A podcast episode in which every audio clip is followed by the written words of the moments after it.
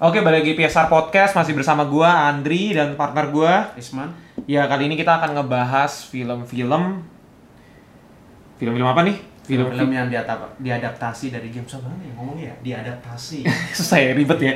Intinya gini, kenapa banyak game yang di yang diadaptasi ke dalam film, film layar lebar ya? Iya, iya.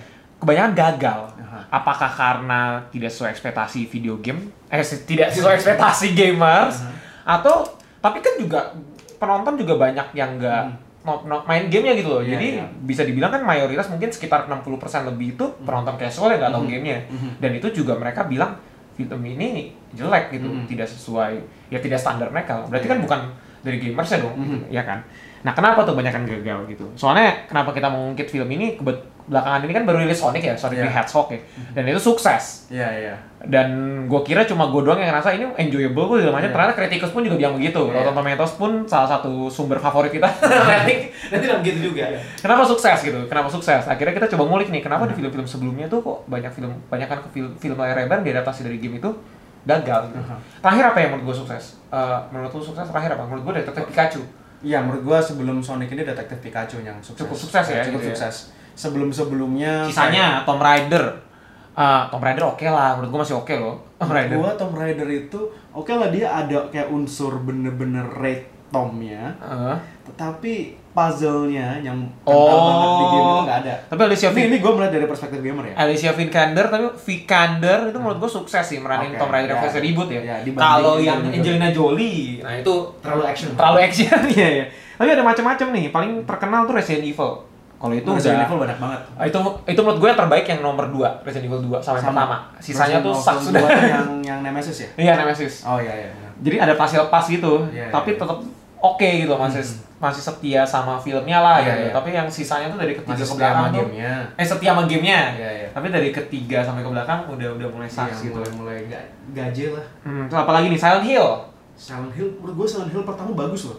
Silent Hill pertama tuh yang mana sih? Silent Hill pertama tuh yang ceritanya bener-bener berdasarkan game pertamanya sebenarnya. Oh, gue kayaknya udah lupa deh. Nonton tapi gue udah lupa ceritanya. Gue gue lupa nama karakternya. Uh, jadi karakternya berbeda dari yang versi gamenya karena di versi gamenya kan uh, cowok, Hmm. yang di filmnya cewek. Dan menurut gue yang film Silent Hill tuh berhasil menangkap nggak cuma unsur horornya, tetapi apa ya unsur claustrophobic uh, yang ada di gamenya, uh, survival horornya itu benar-benar ada. Oh. Sehingga ketika ketika lo menonton filmnya lo merasakan experience yang sama dengan gamenya lo. Oke, Lo oke. lo merasa terjebak di tempat yang di mana lo nggak tahu harus berbuat apa dan ancaman ada di segala sisi dan yang lo bisa lihat hanyalah kabut. Hmm. Gue kayaknya yang gue inget tuh Silent Hill yang Revelation yang tahun Ya, Revelation itu yang ada- 10-an lah gitu. Yang ada itu kan ya Jon Snow kan ya. Oh iya? gue baru tahu nih. Setahu gua salah satu pemerannya itu eh, Kit Harington kalau nggak salah. Iya. Terus habis itu ada Mortal Kombat, Street Fighter, Aha. terus ada Dead or Alive ya dulu itu. Dead or Alive juga ada. Itu juga Warcraft. Warcraft. Warcraft menurut gue lumayan lah. Um, Oke lah Warcraft cuman ya nggak nggak menangkap experience gamenya. Oh, terus paling sucks ini men, Assassin's Creed Michael Fassbender. Oh, iya, Wah iya. itu sucks banget, nggak jelas banget itu. Prin- Prince of Persia juga jelek menurut gua. Itu versi gue nggak nonton. Nonton. Ah, Prince of Lebih, Persia. lebih tepatnya gue nggak main game dan nggak nonton gitu. Prince of Persia sama dari pembuatnya Assassin's Creed dan menurut gua juga sucks juga sih. Dia dia menangkap banyak hal yang ada di gamenya, tetapi di eksekusinya tuh buruk. Jadi kadang mengadaptasi game tuh ya itu eh, agak sulit ya agak sulit. memenuhi ekspektasi penonton casual dan, Dan gamers, gamers, ya. gitu. Apalagi sebentar lagi kan mau bikin ini ya Uncharted ya, gue juga khawatir nih kalau sucks iya. nih si Tom Holland lagi yang main Iya, gitu. iya. Eh, kayaknya dari eh, film-film berdasarkan game yang udah muncul sebelumnya yang bi- bagus tuh menurut gue cuma bisa dihitung jari sih. Iya, ya, bisa dihitung jari. Men- Kalau menurut gue pribadi itu Mortal Kombat itu bagus menurut gue. Yang pertama, apa yang kedua? Yang, pertama- yang kedua tuh sucks. Mau ribut juga ya by the way ya, Iya, Mortal iya. Kombat ya. Ada Ah. Joe Taslim. Iya, Joe Taslim. Eh, Mortal Kombat, terus eh, Silent Hill, Silent Hill yang pertama. Nah, Warcraft oke lah lumayan. Ada Detective Pikachu sama Sonic. Harus lihat sok. Nah, lima lah menurut gue yang bagus dari sekian banyak. Kalau yang jelek yang bener-bener at the bottom. Ah, itu pasti yang banyak. Bener-bener secara Kita kualitas ya. Ah. Mario Bros. Terus Street Fighter, Mortal Kombat 2 Annihilation. Wah. Banyak deh Iya, iya. ini kita nggak hafal aja kalau Iya, kita iya. lihat listnya juga Iya, iya, mungkin sih. bakal keluar semua gitu. Iya, iya. ya gue juga kalau yang gue ingat-ingat sih yang bagus juga dikit. Warcraft gue enjoy Warcraft. Gue nonton dua kali. Ini kita belum ngitung animasi ya sebenarnya. Kan banyak kayak model Final Fantasy Seven Advent Children. Ada lupakan yang animasi. Kita aja Iya. ngomongin live action aja dulu. Kita ngomongin live action. Kalau ngomongin animasi makin banyak listnya tapi kalau ya tadi gue bilang mungkin yang yang buat gue enjoy itu ya uh, Warcraft yang gue inget ya Sonic Hedgehog sama Detective Pikachu sih. Kita Pikachu. Itu sih yang gue ngerasa kayak enjoy banget gitu. Terus eh, dari sekian banyak film yang diadaptasi dari video games kenapa kira-kira persentasenya kok cuma sedikit yang sukses kira-kira? Menurut lu kenapa? Kalau menurut gua ya, eh, problemnya adalah mereka antara sutradaranya tidak paham gamenya atau mereka terlalu ba- banyak apa ya bukan bukan terlalu banyak. Mereka terlalu memaksakan untuk memasukkan banyak unsur dari gamenya. Terlalu memaksakan banyak unsur dan oke elemen-elemen game dipaksakan Iya, masuk iya, ya dipaksakan masuk. Jadi begini game pada dasarnya adalah eh, bukan third person experience tapi kita yang mengendalikan. Jadi yang hal yang menonjol dari game adalah interactivity-nya kan. Hmm. kita mengontrol karakternya ya ya dan kita merasa menjadi karakter tersebut. Hmm. Eh, film nggak bisa gitu karena film kita ada di posisi penonton bukan posisi menjadi karakter atau mengendalikan karakternya. Nah itu yang sebenarnya harus dipikirkan oleh sutradara adalah bagaimana agar penonton tetap bisa merasakan bahwa gue merasa relatable dengan karakternya. Nah untuk bisa membuat penonton merasa relatable dengan karakternya sutradara atau produsernya harus menempatkan diri di posisi pemain game itu dulu. Hmm.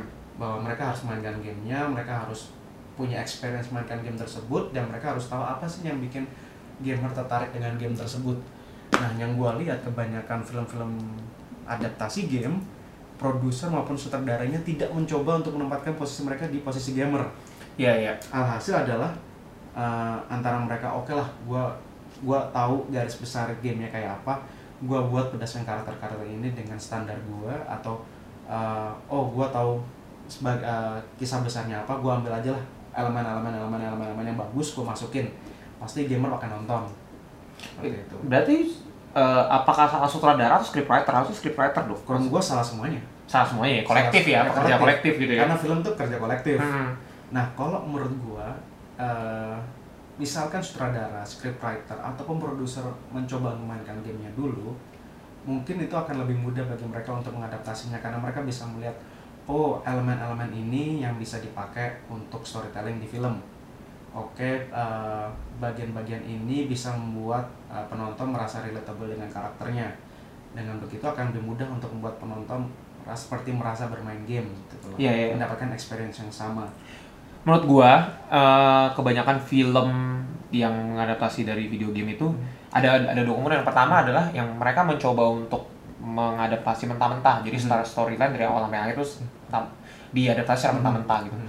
kesulitannya ke- untuk nge- nge- ngebuat film seperti itu adalah ngekompakin ceritanya ya Iya, nggak sih kan panjang video game Iya, kan karena ya lu main berhari-hari butuh Iya, berbulan iya. untuk tamatin kan butuh waktu gitu Iya. sedangkan mereka mau ngekompakin itu Mhm. dalam waktu sekitar 90 sampai 120 menit itu kan Mhm. susah Mhm. dan akhirnya karena terlalu frantic Mhm. akhirnya banyak yang di skip banyak hal-hal yang menurut kita dipaksakan jadinya gitu. Intinya dipaksakan lah gitu. Atau yang kedua mereka cuma adaptasi lepas. Jadi cuma ngambil mereka bikin cerita sendiri mereka ngadaptasi karakter karakternya ngambil karakter yang dia mau ngambil referensi yang dia mau. Nah biasanya yang kayak begini-begini hasilnya malah apa ya malah Jadi suka-suka gitu loh. kayak- direkturnya jadi suka-suka. Heeh. Iya. Jadi kayak suka-suka, oke, gua pokoknya gue bikin cerita sendiri, ke gue ngadaptasinya aja. Kayak kayak Joker, kayak film Joker. Iya, iya, iya. Basically dia, dia cuma ngambil karakter Joker dari komik, Mhm. habis itu dia bikin cerita sendiri gitu, Iya, ya iya. kan? Kurang lebih kayak gitu, dia ngambil karakter dari video game, habis itu gue bikin cerita sendiri. Iya. Ter, ah, fuck it lah, urusan-urusan yang Iya. elemen-elemen sama gamenya gitu gak peduli, Iya, gitu. yang penting iya.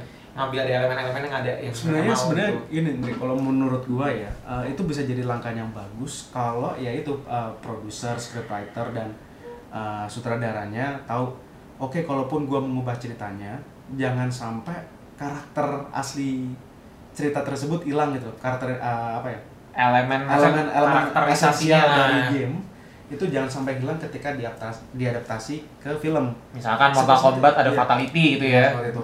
Atau gini, kita kita pakai perbandingan mengadaptasi novel menjadi film. Oke, banyak unsur-unsur yang Oh iya sama sama. Oke, banyak Ah, ah. unsur-unsur yang hilang karena mereka berusaha mengkompakkan uh, beribuan atau ratusan halaman menjadi film yang hanya berdurasi 90 sampai 120 menit.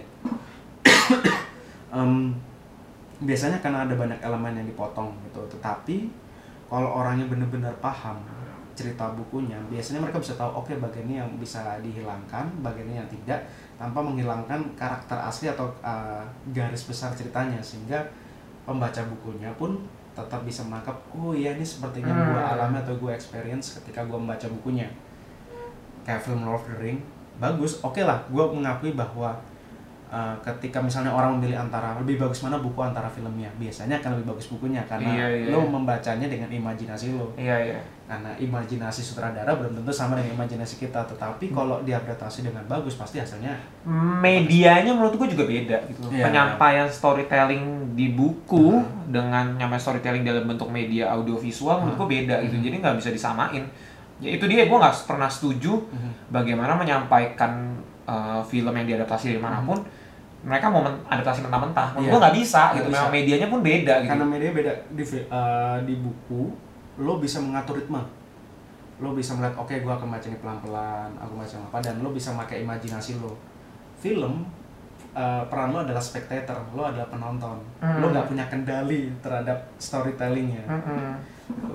paling banter lah hanya lo bisa fast forward rewind atau pause itu kalau ada di medium seperti Blu-ray atau Hmm. streaming service tapi kalau film pada umumnya kan adalah lo nggak punya kendali apa pun sehingga kalau diceritakan mentah-mentah itu biasanya sulit karena ya lo harus menghilangkan banyak hal dan apa ya dan cara lo memotongnya belum tentu sama dengan ekspektasi penonton Iya iya. mestinya bagian ini nggak hilang bagian itu nggak hilang bagian ini nggak hilang seperti itu Ya beda. uh, ya sulit lah gitu. iya bahkan bahkan mereka adegan biasa biasa paling paling paling yang dinilai itu gini ada satu adegan di game Mhm. yang ikonik banget Mhm. Terus di direka ulang ke dalam bentuk film itu biasanya gagal Iya, gagal ya menurut gue memang memang nggak bisa ditiru mentah-mentah gitu memang memang perlu memang perlu apa ya perlu ada sedikit perbedaan lah gitu Iya. jadi gue mengerti sih kadang-kadang mereka pengen nyenengin gamers kan Hmm. karena pengen meniru adegan atau beberapa hal yang ikonik di Hmm. gamenya gitu terus ditiru mentah-mentah Iya. tanpa diubah tapi Hmm. menurut gue memang memang somehow perlu ada perubahan Iya. lihat Lord of the Ring Mhm. itu kan sebenarnya banyak yang berubah dari dari bukunya tapi alhasil lihat lah Oscarnya udah banyak Iya. Oscarnya udah banyak karena mereka, mereka berhasil mendapat balance antara oke gue mengambil hal yang ikonik dari bukunya dan ceri- bagaimana menyampaikan itu untuk mereka yang belum pernah baca bukunya ataupun untuk medium film jadi menurut gue kuncinya adalah kalau orang ingin mengadaptasi game menjadi film yang ditemukan adalah balance antara lo membuat cerita yang bagus dan lo memasukkan unsur-unsur yang ikonik dari gamenya Hmm. itulah kenapa nggak eh, apa ya kebanyakan film beradaptasi game yang sukses adalah mereka yang mencoba menceritakan hal yang baru Iya iya. Bukan- Sonic Hedgehog juga Iya. baru kan hitungannya. Iya. Sebenarnya Sonic Sonic juga film oke game Sonic itu sebenarnya nggak ada cerita. Iya, Bener nggak? bener. Selama gue main game Sonic Hmm. dari zaman Game Boy sampai Hmm. sekarang menurut gue nggak ada cerita kayak Iya. cuma apa sih ceritanya sangat simpel banget lah Iya, dia iya, cuma ingin membebaskan makhluk-makhluk apa tuh hewan-hewan dari dokter, dokter Robotnik Iya ya gitu-gitu aja lah ya gitu simpel-simpel lah ya dan di sini dibuat ada karakter manusianya ya. Iya. Setahu gue memang di game Sonic nggak ada karakter manusia. ada gitu. sih Ada ya ada ada tapi dikit banget Dan itu benar-benar si karakter yang ada di Green Hills itu nggak si? oh enggak Bukan itu aja ya? Green Hills yang di film sama di game beda Di Green Hills itu kan sebenarnya yang ada di opening intronya Iya. Sonic kan itu Iya, Green Hills kan iya, itu iya. kan. Oh memang memang memang akhirnya mereka cuma ngadaptasi lepas gitu. Iya. Tapi ya itu yang tadi lu bilang Iya. elemennya masih ada. Iya. Elemen Sonic muter, apa sih istilahnya tuh yang Iya, dash, dan dash segala segala macam itu ada. ya jadi elemen ikoniknya ada tetapi mereka juga membuat cerita baru yang merasa tidak terkekang dengan cerita gamenya gitu loh jadi penonton awam bisa masuk untuk gamer juga bisa masuk oh gue paham elemen-elemen ini masih ada gitu tapi gue tidak terjebak oleh cerita yang buruk gitu. Yang gue penasaran adalah penggambaran Sonic, karakter Sonic itu sesuai dengan video gamenya. Karena menurut gue penggambaran Sonic di film ini sangat Deadpool sekali, sangat Deadpool Iya, sekali menurut iya. gue. Ocehannya ngambil-ngambil reference pop culture, terus kayak adrenalin junkie, Iya. tektok kanan kiri kanan kiri gitu. unsur breaking the fourth wall-nya ala Deadpool-nya nggak ada di game Tetap- tetapi apa uh, adrenalin junkie-nya terus benar-benar uh, apa high energy Iya, iya. karakternya tuh benar-benar mirip jadi sebenarnya untuk karakter Sonic di film tuh sebenarnya faithful dengan karakter Sonic di game Nah, itu tuh lu, lu bisa tahu itu dari mana? Kalau kalau selama ini yang gue main kan gue waktu itu main masih tanpa yang ada voice actornya kan. Apakah di konsol next gen ada Kalau waktu itu kalau gue bandingin dengan model yang seperti game Sonic Adventure, Sonic Adventure 2 di mana karakter Sonicnya emang ada interaksi lebih terhadap karakter-karakter lain di sekelilingnya. lebih lebih tengil gitu ya. Iya, lebih tengil memang. Oh memang gitu ya. Dan penggambaran Jim, wah menurut gue bikin Sonic keren tuh menurut gue skill lainnya. Hmm. Setiap Jim Carrey sebagai Dr. Robotnik ini Mhm. masuk nih adegan itu menurut gue wah itu keren sih. Itu yang menurut Iya. gue itu yang menurut gue film ini jadi, jadi luar biasa. Villainnya itu bener-bener bener-bener ya compelling lah menurut gue. Iya. Adegan joget-joget di dalam Iya. truk gitu gitu. Nah, makanya itu kalau kalau apa eh, mereka bisa. Jadi gini, karakter Robotnik sendiri kan sangat ka- kartuni kan. Ah, iya ya kartun banget ah. Memilih-milih Jim Carrey adalah keputusan yang tepat karena ya Jim Carrey sendiri sangat kartun. Iya sih. Iya dia kartun banget sih. sehingga apa ketika seorang yang membuat uh, film adaptasi game mereka juga harus tahu oke gue harus mencari aktor yang emang bisa menghidupkan karakter game tersebut dengan Hmm. pas gitu makanya banyak uh, film-film yang gagal mengadaptasi karena mereka juga milih aktor Oh iya, ngomong-ngomong kartunik ya. Nah, Bahkan sebenarnya interaksi dia dengan si Dr. Stone, siapa sih partnernya ini? Iya. Dr. Stone itu juga menurut gue konyol gitu, Iya. kartun banget gitu. Iya. Ya kartun lah, kartun Iya. banget lah, konyol, konyol banget, Iya. komikal banget lah. Iya. Dan menurut gue nggak masuk akal Iya. kalau kalau misalnya kita ngomongin believable atau enggak ya. Iya. Tapi entah kenapa kita bisa terima, Mhm. terus juga itu jadi adegan yang gag banget gitu menurut Iya, gue, iya. jadi lucu juga Iya. gitu, walaupun sebenarnya nggak believable gitu. Iya, ada iya. aja, emang ada apa karakter kayak begini? Iya, tapi ya kayak di gamenya kan nggak ada hal yang believable di gamenya gitu. Mhm. maka uh, sangat pas ketika lo memilih model seperti Jim Carrey yang bisa benar-benar memerankan karakter yang larger than life untuk untuk Komikal banget ya komikal atau kartunik banget untuk memerankan Robotnik atau Eggman itu jadi ya itu jadi banyak unsur yang harus lo pertimbangkan ketika lo ingin mengadaptasi game menjadi film dan Sonic apa tuh memenuhi banyak hal untuk menjadi film adaptasi game yang bagus Tapi menurut gue ini karena karisma Jim Carrey sih. Gue agak ragu kalau misalkan orang lain yang memerankan robot Iya, itu bakal iya. bakal se karismatik Iya, ini iya. gitu. Mhm. Karena ketika dia muncul pertama kali keluar dari truk gitu, Mhm. yang ke tentara itu udah aura-auranya Iya, tuh iya. berasa banget gitu. Iya, iya. En- Nggak tahu ya itu gue ya gitu. Iya. Gue ragu sih kalau orang lain yang meranin bakal bisa sekarismatik itu. Mhm. Apalagi didukung dengan mungkin dia pinter juga yang penulis write- writernya si si ini juga ya, sutradara juga ya, si Lane Whannell Si- juga ya. Uh, bu- bukannya Jeff Eh, Fowler ya Lane Whannell mah si The Invisible Man, Iya. The Invisible Man ya, gue bisa review tuh jadi ingetnya itu terus. Coba Jeff, Jeff Fowler gue kurang tahu scriptwriternya siapa, tapi siapa pun itu menurut gue penulis skripnya juga oke karena dia Mhm. ngasih porsi Mhm. yang cukup Mhm. untuk si villainnya, jadi nggak fokus ke Sonic Mhm. untuk ya perjalanan Sonic aja Iya. nggak fokus ke dianya aja gitu, tapi villainnya juga dapat porsi. Ya banyak game yang bagus kan sebenarnya adalah ketika karakter villain dan karakter hero nya dapat porsi yang pas dan seimbang kan, yang benar-benar compelling. Hmm. Dan dan dan menurut gue di sini si Dr. Robotnik itu nggak salah kok. Gue menurut sorry ya ini kompas moral gue ya. Gue ngerasa yang salah ya Sonic lah, lu kan alien gitu. Iya. Sedangkan si Dr. Robotnik ini memihak pemerintah kan, karena pemerintah yang nyuruh gitu. Kalau kalau menurut gue sih dok, uh, Robotnik-nya apa uh, nggak sepenuhnya uh, benar juga nggak sepenuhnya salah. Maksudnya dia punya agenda sendiri memang. Uh, dia kan ingin memanfaatkan Sonic Kekuatan powernya ya, gitu ya. untuk apa tuh drone-drone yang dia punya seperti itu. Jadi uh, nah kita nggak nggak tahu secara jelas dia mau melakukan apa dengan drone-drone yang ia miliki.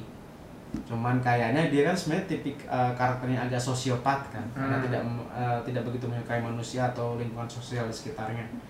Jadi bisa jadi dia malah akan menggunakan itu untuk menguasai dunia karena dia kecilnya dibully. Oh iya deh, itu juga jadi bercandaan. Iya. Iya, iya. jadi yang membuat Sonic the Hedgehog ini memang memang berhasil sukses ya Hmm. itu dia memenuhi ekspektasi kita sebagai penonton awam Mhm. dan Dia juga memenuhi banyak hal yang ada di game ya. ah, ah, dia memenuhi banyak hal yang di tanpa gamenya. tanpa apa ya? Tanpa membuatnya saling tumpang tindih tapi benar-benar balance gitu. Kayaknya Antara semuanya hal ada original gitu. dan elemen-elemen dari game itu ada. ya kayaknya hampir semuanya ada di menurut gue ya ya atau ya mungkin karena Sonic ini juga kali ya maksudnya Sonic tuh tidak banyak elemen yang perlu bisa dieksplor gitu Mungkin itu. nah karena video gamenya kan juga simpel gitu Iya. loh gamenya juga itu simpel itu yang mungkin yang bikin sulit untuk mengadaptasi game yang ceritanya benar-benar rich eh, kayak model Warcraft. Oke Warcraft bagus tapi sebenarnya kan lore-nya kan sangat besar sekali kan. tapi kan dia juga ngadaptasi kan juga dari main Iya, story-nya aja nggak mungkin dia nyeritain tentang bagian samping-sampingnya Iya. gitu loh itu. Eh, nah itu yang gua gua agak tapi gini juga kalaupun lo membuat cerita baru jangan sampai terlalu liar atau sampai orang mikir kayaknya kalau kayak gini nggak bakal kejadian di gamenya atau nggak mungkin cerita seperti ini bakal ada di game. Tekken deh, Tekken deh. Tekken itu kan salah satu yang susah karena kan dia setiap karakter punya backstory masing-masing gitu. Kalau di video gamenya juga uh, kalau karakter ini yang Hmm. menang dia punya story yang agak Iya. berbeda. Jadi nggak ada yang canon ada yang nggak canon Iya, gitu. Oke lah, Tekken Tekken yang live action Mhm. Sucks. gitu sucks. iya, iya. Tapi kan Tekken yang animasi oke tuh. Mhm. Ya Tekken yang live action sucks soalnya oke dia sudah mengambil langkah yang tepat. Oke, gua akan fokus ke karakter Jin. Hmm. Hubungan Jin, Kazuya, eh, Jun sama Heihachi. Hmm. Cuman eh, dia terlalu menyimpang dari cerita yang sudah ada di gamenya. Hmm. Padahal di gamenya kan hubungan Heihachi, Jun, Jin Jelas lah dan gitu. ya. Kazuya tuh bener-bener penuh intrik soal apa tuh ada penuh dengan tipu muslihat dan pengkhianatan Hmm. dan di filmnya tuh bener-bener di di apa ya dikesampingkan sehingga tidak ada yang familiar kecuali penampilan karakternya aja gitu. Hmm. Ya, jadi memang memang gue sih nggak mikirin sampai se se, Mhm. seplot plotnya sampai sebegitunya Mhm. tapi gue nonton tuh kayak ngerasa memang nggak nyaman aja aneh aja gitu loh dan Gua- action koreografinya juga standar ah, ah, gitu untuk ukuran film action martial arts gitu Iya. kan malah lebih nyaman nonton yang film animasinya gitu Iya, walaupun kalau teman-teman nggak non nggak ngikutin Tekken lebih tepatnya gitu bingung ini cerita Iya. tentang apa gitu Mhm. karena kan film animasinya kan lebih langsung masuk tengah-tengah gitu kan Mhm. tapi enjoy aja gitu anggap Iya. lo nggak ngerti cerita tentang apa-apa Mhm. tapi bisa nonton itu bisa nikmatin gitu ya itulah apa eh, pentingnya adalah balance antara lo bikin cerita yang original tapi jangan sampai lo mengingkari identitas asli gamenya Nah, itu kan film animasi. Nah, Biasanya salah satu alasan kenapa film adaptasi video game itu kurang oke adalah penggambaran aktornya terhadap karakternya. bisa ya Nah, itu kan gitu. Karena ini film animasi kan Iya. lu tinggal bikin aja modelnya Iya, gitu. iya. Mungkin Sonic juga terbantu karena itu. mungkin Coba lihat waktu awal-awal tidak sesuai dengan ini langsung di base habis-habisan kan, minta Iya. di redesign kan. Iya. Untung di redesign akhirnya sukses gitu. Tapi maksud gua salah satunya penggambaran karakternya. Mhm. Kayak contoh Tomb Raider Alicia Vikander itu menurut gue sukses menggambarkan si Lara Croft yang versi reboot gitu. Dan kalau kita lihat tuh di film Resident Evil banyak beberapa karakter yang penggambarannya tuh nggak cocok sama Mhm. aktor-aktornya Mhm. gitu. Jadi itu juga salah satu faktor utama sih yang kes- mungkin bukan salah satu faktor utama ya. Salah satu kesulitan untuk mengadaptasi Iya. film ke dalam mengadaptasi video game ke dalam bentuk film Iya, gitu. terutama film live action Ah, karena kan ekspektasi kita yang nonton main video game kan oke manusia ini karakternya begini kalau Hmm. bisa diubah-ubah ini gua agak sulit bisa terimanya gitu loh atau lo pingin sebisa mungkin desain karakter di filmnya mirip dengan apa yang di game Tuh.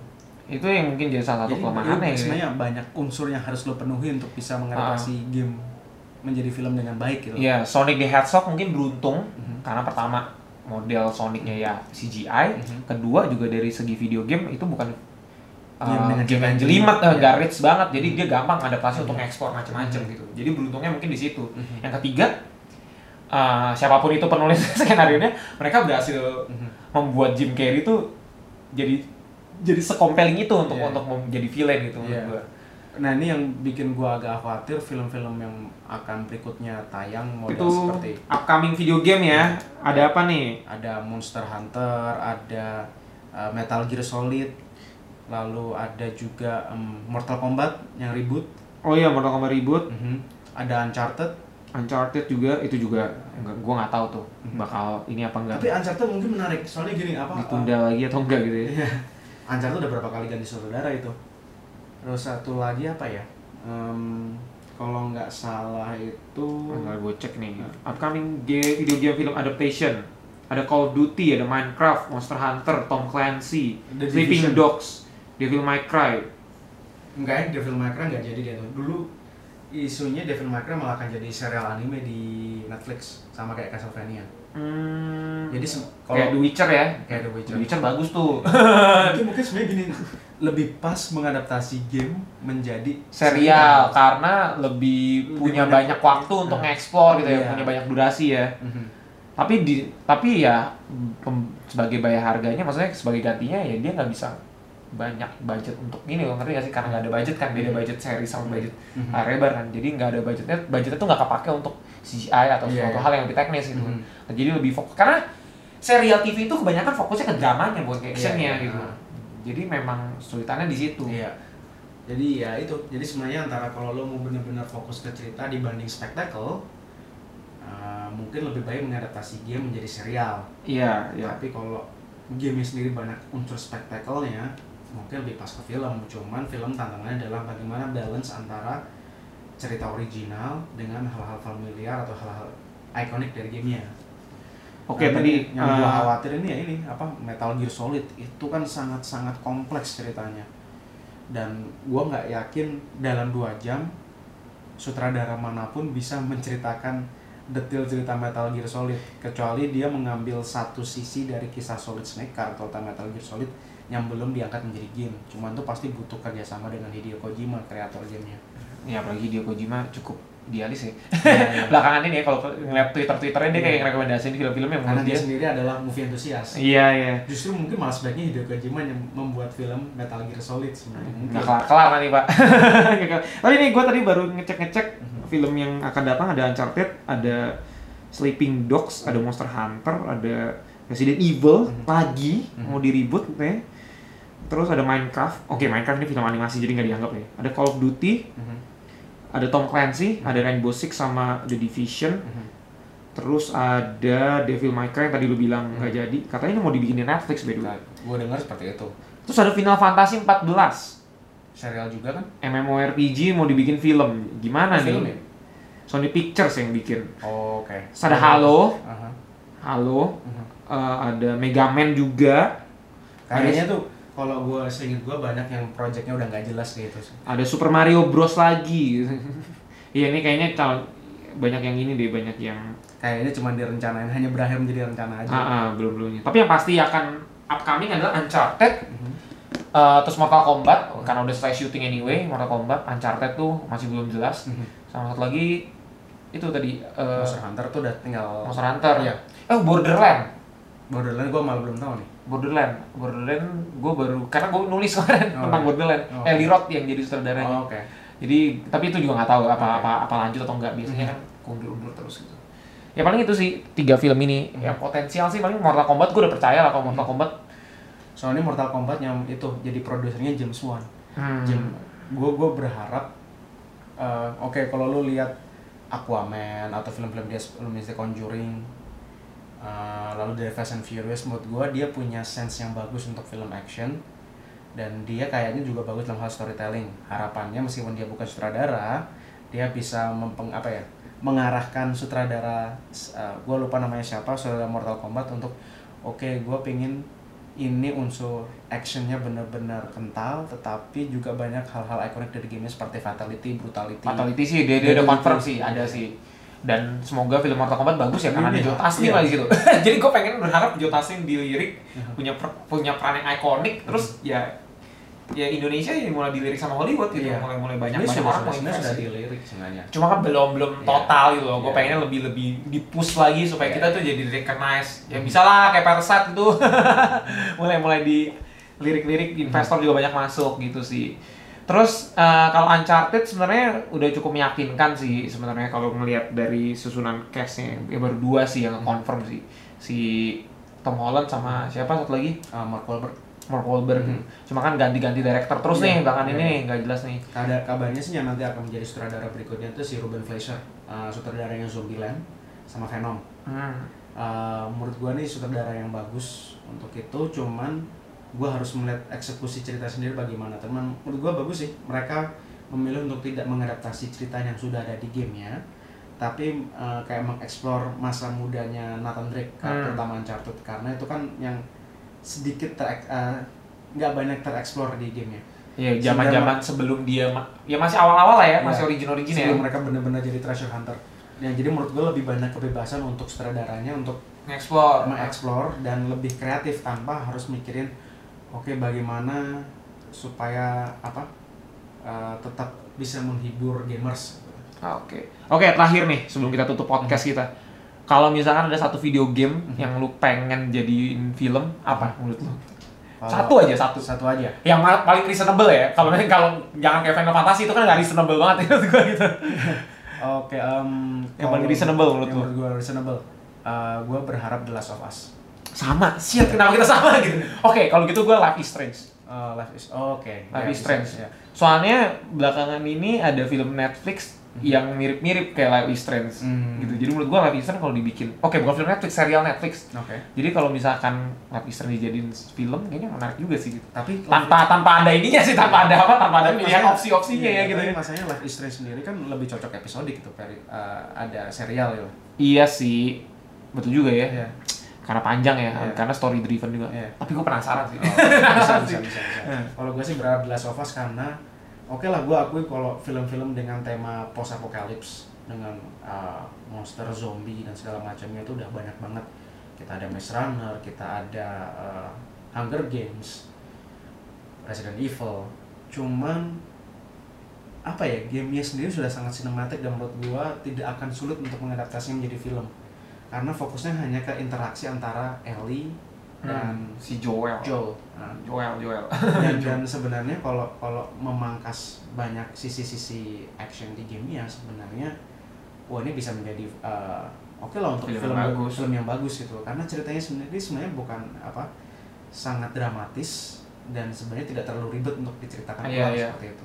Tinggal tinggal eksekusinya aja Tinggal gimana ya eksekusi gitu ya. Bagaimana bagian ini oke actionnya dipersingkat di sini, oke actionnya dipersingkat di sini. Hmm, ya ya kayak Logan aja lah gitu Kayak Logan. kayak Logan gitu kan Ya sebenarnya mirip-mirip. Ya kayak Logan benar. Hmm. Itu itu perumpamaan yang bagus. berarti God of War juga bisa dong God of War juga bisa cuma God of War itu apa ya? Hmm, terlalu rame ya terlalu panjang gitu ya Nggak rame. lawan dewa ini dewa itu dewa ini sebenarnya kan God of War sendiri kan de- eh, karakter dewanya kan di beberapa serinya hanya seperti side karakter. Jadi sebenarnya kalau fokus utamanya jelas Kratos tokoh utama God of War akan melawan siapa? si Kronos lah Ya bos misalnya Kronos atau salah satu di dewa aja, terus sebenarnya ceritanya bisa sangat fokus. Hmm. Jadi God of War juga bisa gitu, selama ya itu sutradaranya tahu oke gua akan bikin cerita original, fokus kepada satu ini aja, tidak terlalu banyak masukkan hal-hal dari gamenya, tapi di satu sisi juga tidak menghilangkan identitas dari Hmm. kisah War itu sendiri. Oke. Oke, paling gitu aja sih eh, podcast kita soal apa tadi? Soal- Kenapa banyak video game yang diadaptasi ke dalam film gagal gitu ya. Iya. Oke. Sekali lagi, again, thank you udah dengerin podcast ini. Eh, teman-teman kalau misalkan ada topik-topik yang pengen kita bahas, teman-teman bisa komen di Instagram kita atau di video YouTube kita aja, di mana pun itu nanti kita pasti baca. Ya iyalah pasti baca orang belum banyak yang komen dan yang dan yang ini ya. Jangan lupa juga follow Instagram kita Playstop Rewards, YouTube kita, channel YouTube kita Playstop Rewards juga. Terus juga kalau mau baca tulisan-tulisan kita di kumparan.playstoprewards.com. Eh kalau mau ngikutin Instagram kita ada lah.